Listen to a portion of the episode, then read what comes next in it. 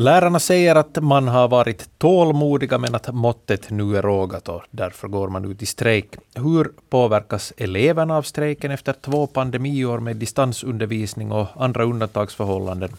Orsakerna till strejken och konsekvenserna av den ska vi diskutera nu i Slaget efter tolv tillsammans med Finlandssvenska lärarförbunds ordförande Inger Damlin. Välkommen. Tack. Eh, Barnavårdsföreningens verksamhetsledare Pia Sundell, välkommen. Tack så mycket. Eh, lärarstuderande Marie Lövholm som är ordförande för Finlands svenska lärarstuderandes förening. Välkommen. Tack. Ja, Inger Damlin, det är nästan 40 år sedan lärarna strejkade senast. Varför, varför går man i strejk just nu?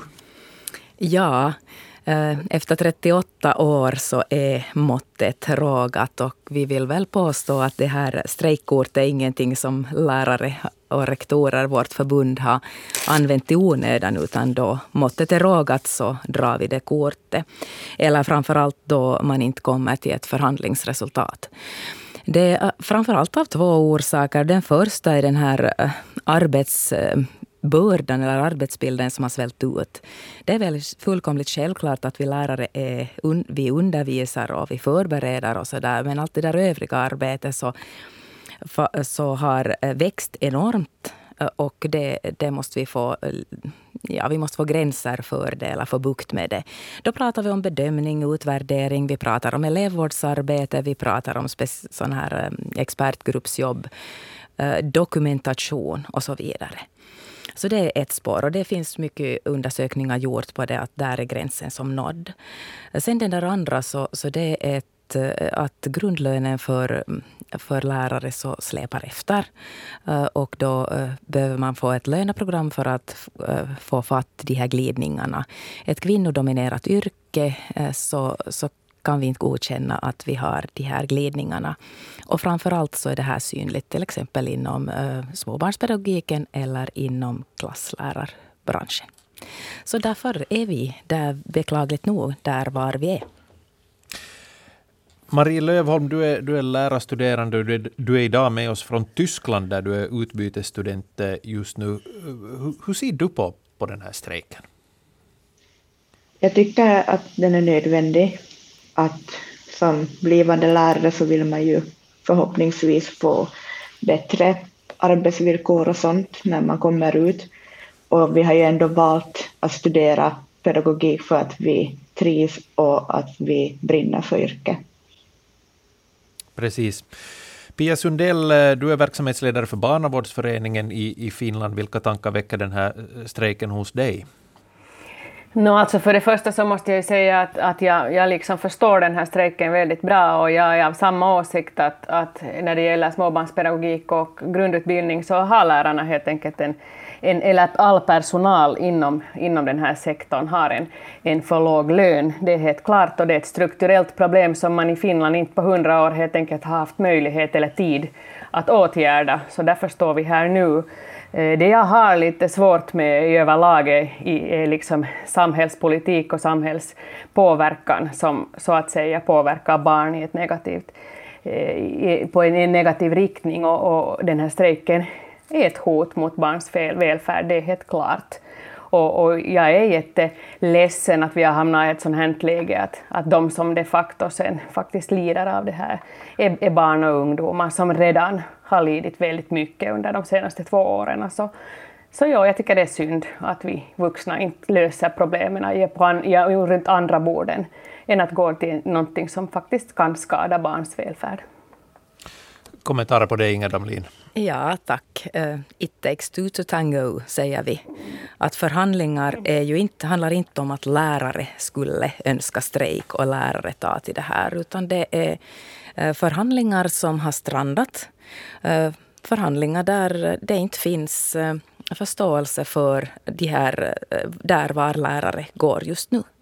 Det finns inte förståelse för att lönen släpar. Det finns inte förståelse för eh, att arbetsbilden har svällt. Och de förhandlingarna som strandade så de gick då till förlikning där vi fick ett, för, eh, ett medlingsbud av förlikningsmannen. Och nu är de då i, hos förlikningsnämnden. Och det betyder att det inte pågår förhandlingar. Utan det är nämnden som håller på och formar eh, ett bud. Och vi såg fram emot det budet i slutet av förra veckan. För att undvika den här strejken, för att ha någonting att uh, ta ställning till. Något sånt bud fick vi inte. Så att där finns nog ett, uh, ett glapp av ansvarstagande uh, från den sidan. Pia Sundell. Jag vill bara liksom påpeka här att det absolut takes two to tango, men det är inte barnen och ungdomarna som, som har möjlighet att påverka det här. Det, det är liksom det som är mitt problem här. Att de här, de här barnen som det här nu drabbar, och familjerna, så, eller de vuxna drabbade, eh, gäller här, och det ska ju kännas. Den här strejken har ju ingen inverkan om det inte känns, det är helt självklart.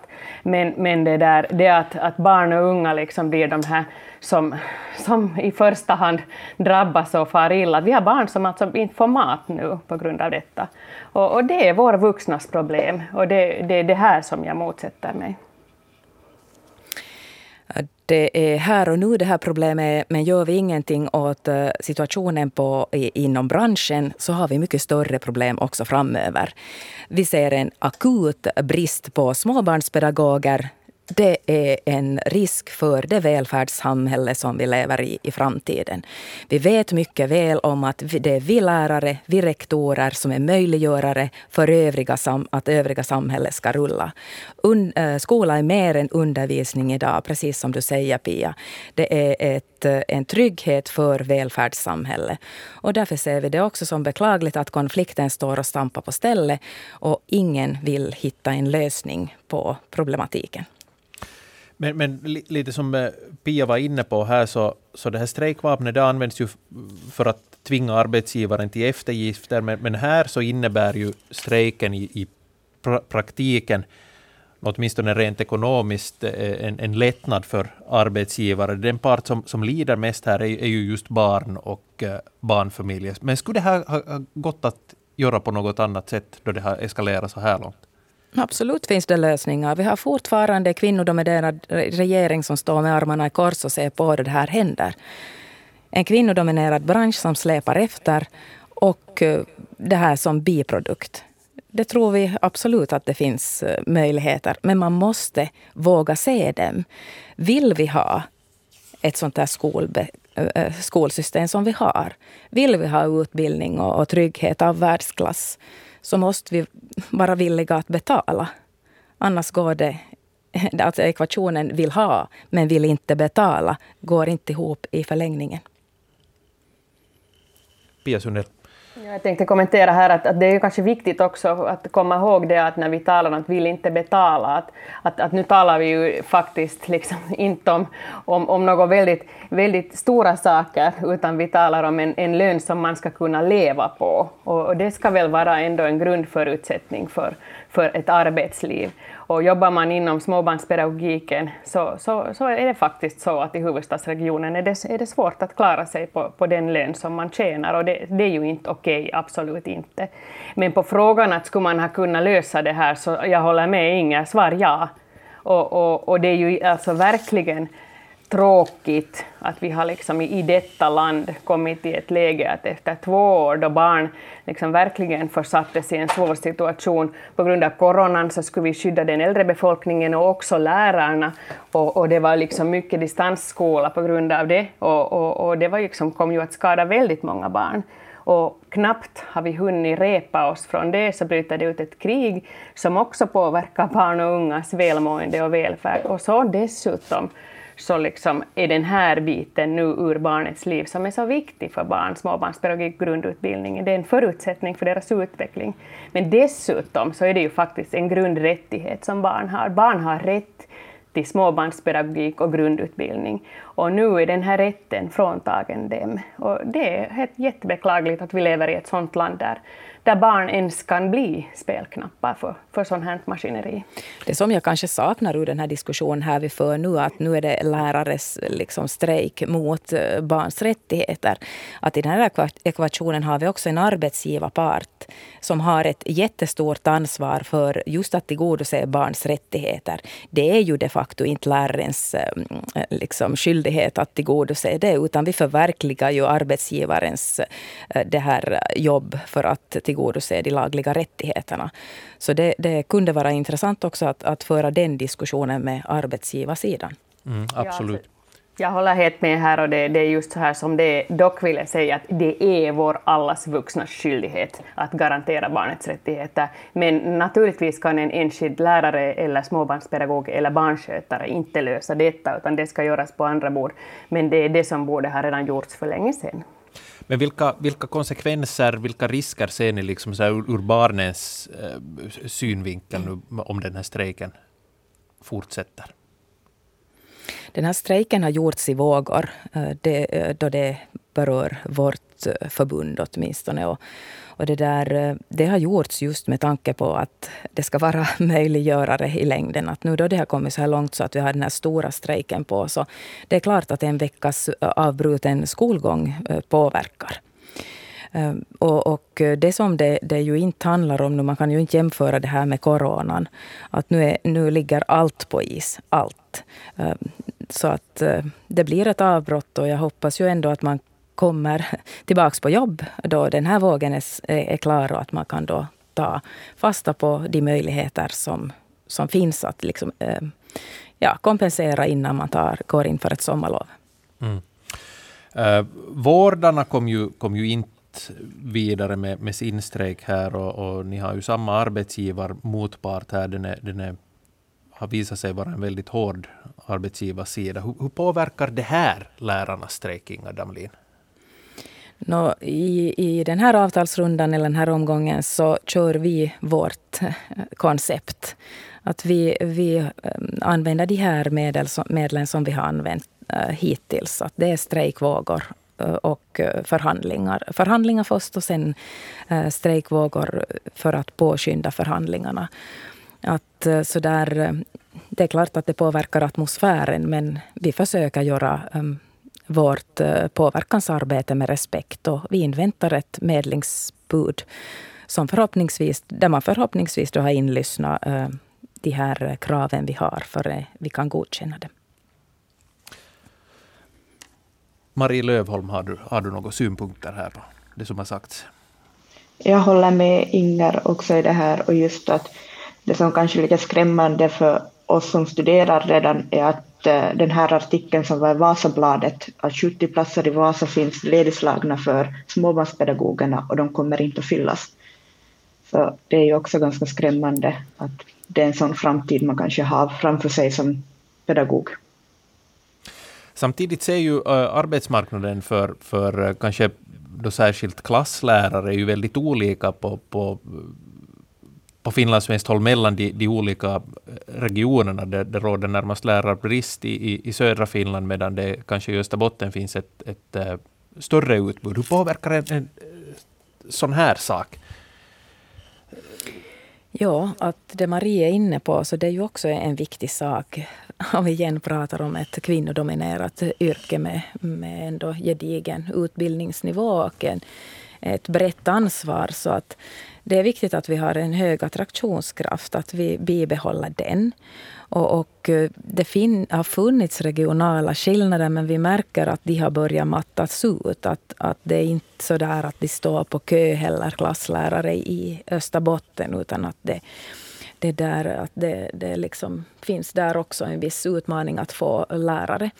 Ehm, på den där frågan så vill jag ju nog upprepa det där som, som, Pi, som det här, um, Pia sa här i ett tag, att det måste gå att leva på sin grundlön.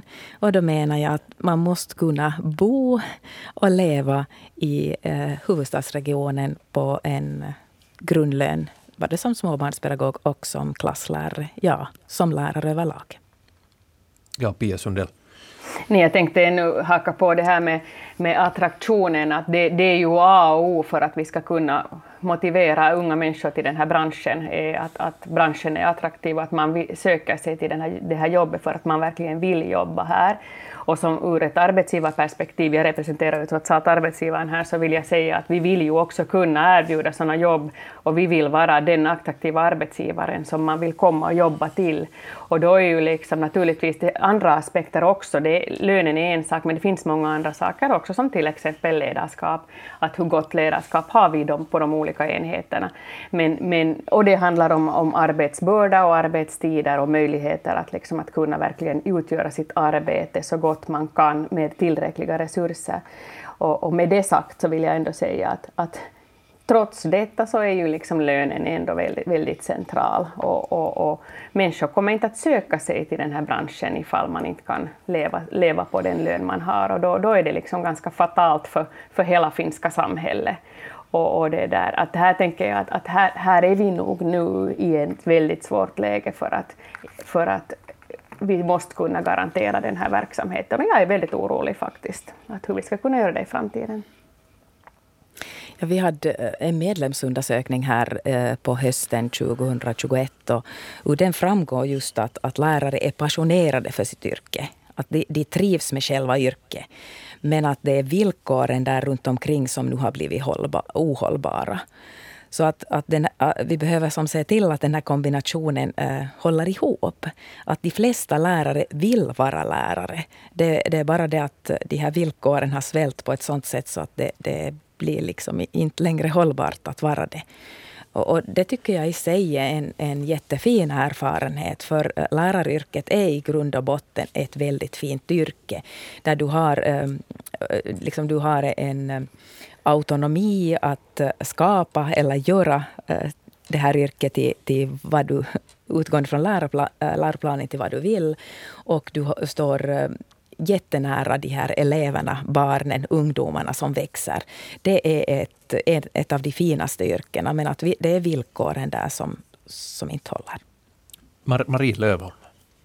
Ja, att jag är ju som sagt sista året studerande inom klasslärarutbildningen och småningom borde få min gradu klar, så jag har gjort alla mina praktiker och även vikarierat en hel del.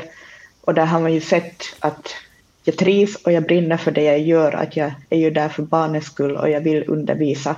Men det är ju, tar mycket tid, att det är mycket planering och det är mycket förberedelse för de här lektionerna.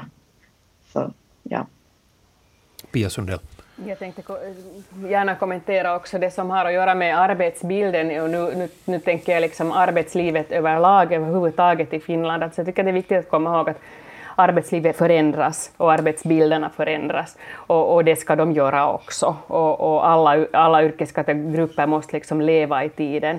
Och jag tänker att vi har många saker när det gäller liksom barnets, barnets välfärd och välmående som vi borde fundera på, där, där liksom skolan är en, en jätteviktig del av det och, och småbarnspedagogiken. Och samtidigt så har jag tidigare kritiserat delvis lite att arbeta in lördagar för att få ledigt en fredag till exempel. Jag är helt emot det för att det är bort från familjernas lediga tid och det är väldigt många familjer som inte kan vara lediga en fredag utan, utan de är på jobb och det betyder att de, deras barn inte har vård då. Och, och liksom att istället för, för att, att fundera på vi borde hela tiden utveckla den här grundutbildningen småbarnspedagogiken så att den på bästa sätt skyddar barn och barns välfärd och det är det vi borde hålla i fokus hela tiden då vi för de här diskussionerna. En kommentar på det där att, eh, att arbetsbilden förändras det är, eh, vi kritiserar inte det här att eh, undervisning idag är mer individ, individcentrerad. Att vi behöver mera ett möte, nätverk eller så här runt eleverna. Men det är bara det att vårt avlöningssystem så, så vet inte om det. Så att om, om arbetsbilden förändras utan att löne, avlöningen förändras eller lönesystemet förändras, då är du precis där var vi är. Eh, vi tror att det som görs inom eh, både läroplansarbete och skollagstiftning överlag, det är bra för elever, det är bra för studerande, det är bra för samhället. Så att bara vi får ekvationen att hålla ihop. Vi ska strax, vi ska strax återkomma till det här, vad, vad som egentligen ingår i, i lärarens eh, jobb idag. Men, eh, men det jag vill fråga Marie Lövholm till först att eh, bland studerande överlag uppfattas, uppfattar du att läraryrket ses som, som attraktivt? Det är ju inte alls ovanligt heller för, för lärare att söka jobb i andra branscher. Nu Eh, enligt det som jag har sett i alla fall, att många trivs ju och man studerar ju för att man vill bli klasslärare. Och klart att söktrycket är ju stort, men att det har kanske minskat en del i antagningarna, men att ändå så ser jag nog en efterfrågan av att komma till klasslärarutbildningen. För nu finns den ju både i Vasa och i Helsingfors också. Precis. En, eh, en, en kärnfråga som har, som har nämnts här i, de här eh, i den här pågående tvisten är ju, är ju den här grundlönen då för eh, lärarna och det är ju undervisningsskyldigheten som på något vis ligger som grund för, för den här lönen. Men som, som Inga Damlin var inne på här, att det är så hemskt mycket annat än den här undervisningen som ingår i, i läraryrket idag. Kan, kan du kort förklara vad, vad består det här läraryrket av? Ja, jag är jätteglad över att få förklara det, för det, det, är så många som har åsikter om, om lärarjobbet och läraravlöningen utan att ha vandrat en dag i lärarskor. Och jag vill påstå att har man inte varit lärare under de senaste fem åren så, så har man inte sett det här. Men de lärare som går där, så de har först en undervisningsskyldighet. Där det ingår då förberedelse och, och sen efterarbete. Och, och den biten är väl ganska sådär okej. Okay. Jag menar att metoder och sådär förändras eller man digitaliseras, så den biten är ändå okej. Okay. Ovanpå det så har vi någonting som heter samplanering. Där du ska utveckla skolan, där ska du hålla äh, alla de här mötena och, och sen ska du också ha ansvar för kontakten till hemmen. Och det där är en viss kvot, ett visst timantal. Och det är den här som sväller över. Man tenderar att lägga in allting i den här samplaner, så, så kallade samplaneringen. Och då spränger man arbetsbilden. Jag menar om du om jämför med att du har, låt oss säga du skulle ha 30 fem och en halv timmes arbetstid. Men sen ska du inom det göra det och det och det och det till. Att det kommer som därutöver utan att det syns någonstans. Så, så det är den biten. Och, och där är det där främsta som lärare pratar om, det är dokumentation. Du ska dokumentera uh, utvärderingen, alltså hur du utvärderar jättenoggrant. Och det är en bra sak, därför att du ska kunna motivera vitsord och så där vidare bortåt för hem och studerande. Och sen då du ger um, det här, all typ av stöd så ska det göras planer. Planer ska utvärderas och eh, planer ska då följaktligen också följas upp på något vis. Och sen har vi det här elevvården, att där är du som lärare eh, skyldig att eh, initiera eh, de här individuella elevvårdsmötena om du ser att någonting är på tok med eleverna. Och, och det är helt okej okay också med uppföljningsmöten och sådär. Men hela det här paketet jag nu beskriver, det tar tid och det måste göras ordentligt för vi pratar om ett ansvarsområde för elevers mående. Mm, ja, men jag hoppas att det var en tydlig beskrivning av vilken förändring vi har varit med om. Och den här har varit eh, helt tydlig eh, de senaste fem åren. De brukar skoja med mig, de här väninnorna. Jag har ju varit bort från så att säga klassrum i två år. Och mina väninnor säger att Inger, du skulle inte fixa det här jobbet mer. Att den typen av utveckling har vi inom lärarjobbet just nu. Att du har tappat kontakten till verkstadsgolvet så att säga? Ja, tacka, tack och lov har jag jättefina förtroendevalda som kontinuerligt uppdaterar mig om läget. Och vi har gjort massor med studiebesök också för att känna på pulsen i våra finlandssvenska skolor. Marie Lövholm, hur mycket, hur mycket krut läggs på de här aspekterna i själva lärarutbildningen? Mm, nu läggs det ju mycket att vi är ju också som förening så har vi ju mycket samarbete med FSL som är vår moderförening och där så erbjuder vi varje vår, ungefär januari, så erbjuder vi How to get lärarjobb. Och då får man ju inblick också i hur lönesystemet fungerar.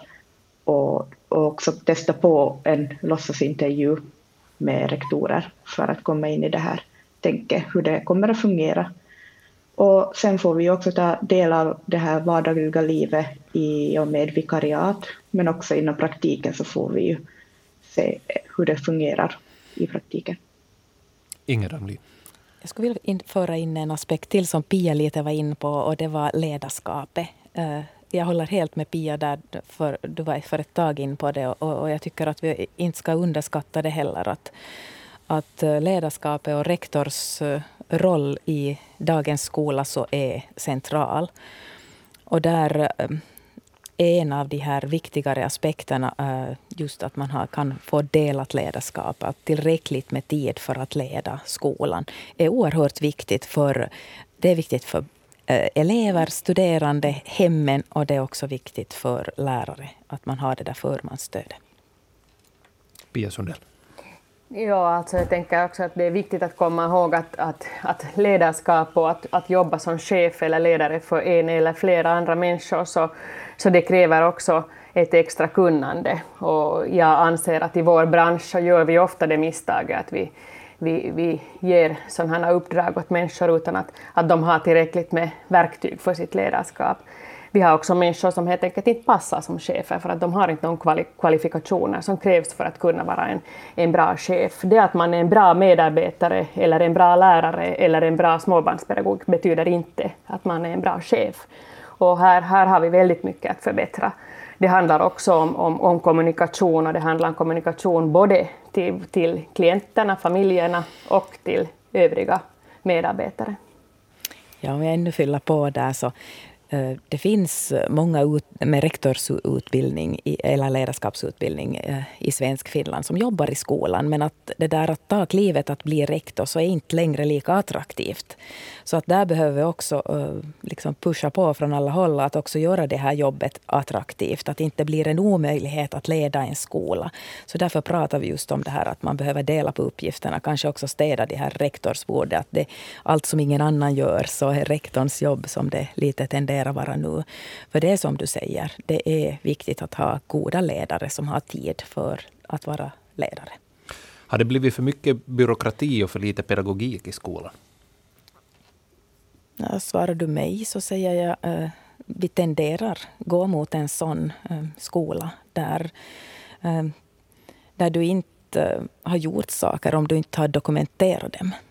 Och det är en farlig utveckling för vi pratar, med, pratar om barn och ungdomar där eh, vardagen inte går att planera, där du måste leva utgående från individernas mående, ork och framförallt också lärstig.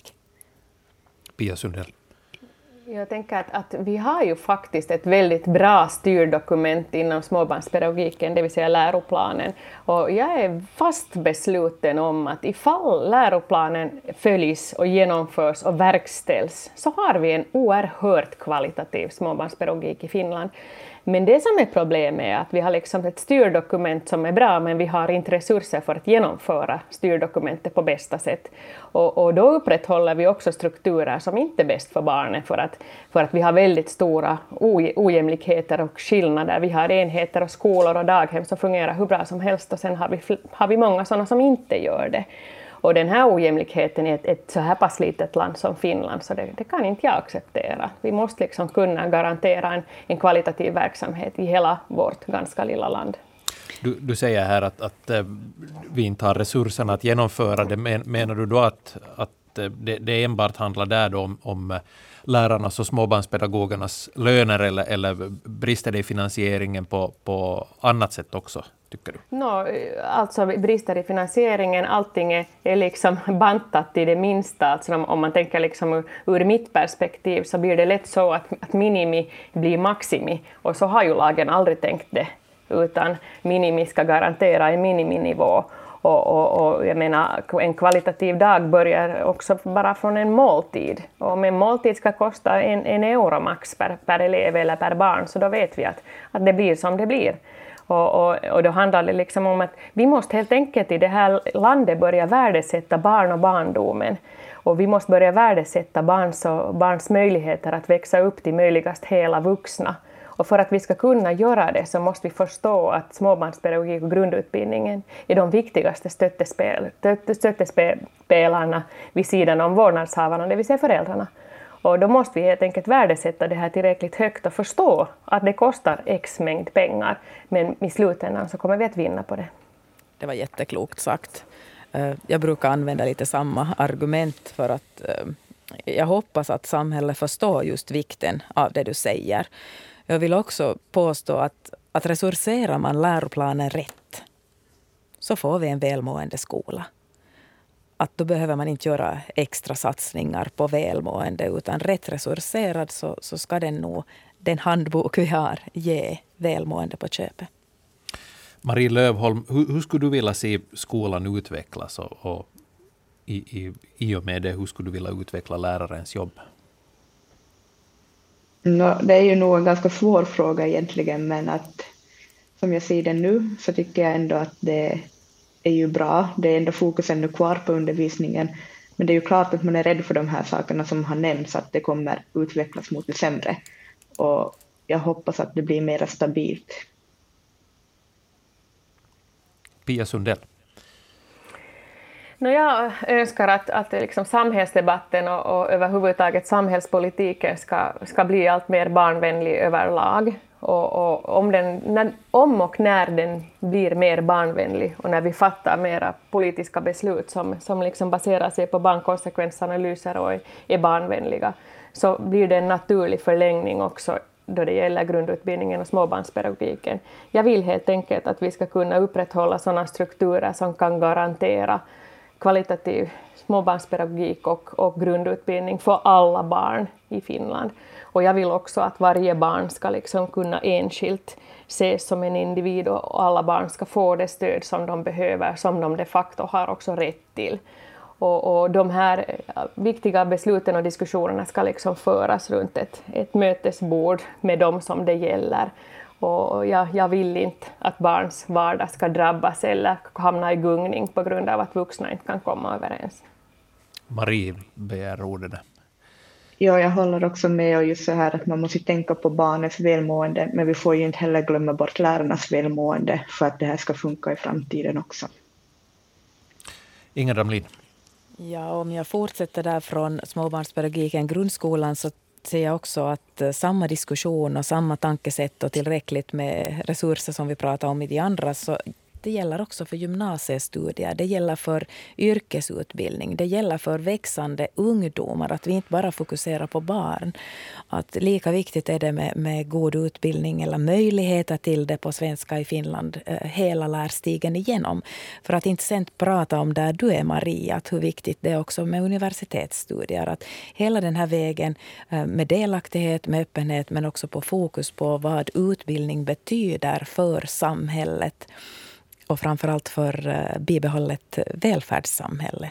Det, det tror jag är viktigt att vi tar oss an frågan lite bredare. Där säger vi tack till eh, Inga Damlin som är ordförande för Finlandssvenska lärarförbund. Vi har idag också hört Barnavårdsföreningens verksamhetsledare Pia Sundell och eh, lärarstuderande Marie Lövholm som är ordförande för Finlandssvenska lärarstuderandes förening. Ni har lyssnat på Slaget efter tolv. Mitt namn är Filip Sten. Slaget efter tolv är tillbaka igen imorgon.